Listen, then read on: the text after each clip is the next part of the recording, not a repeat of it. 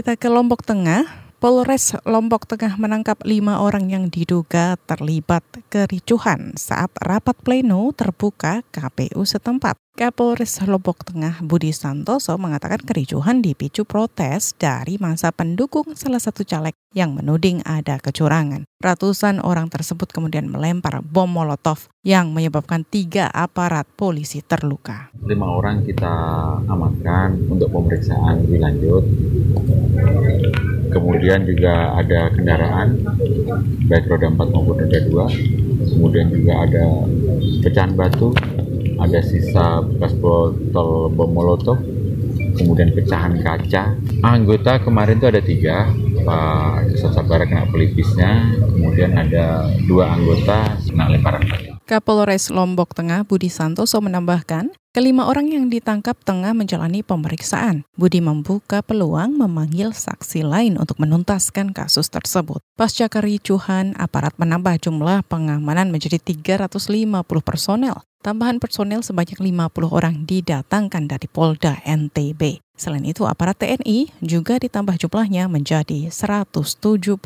orang.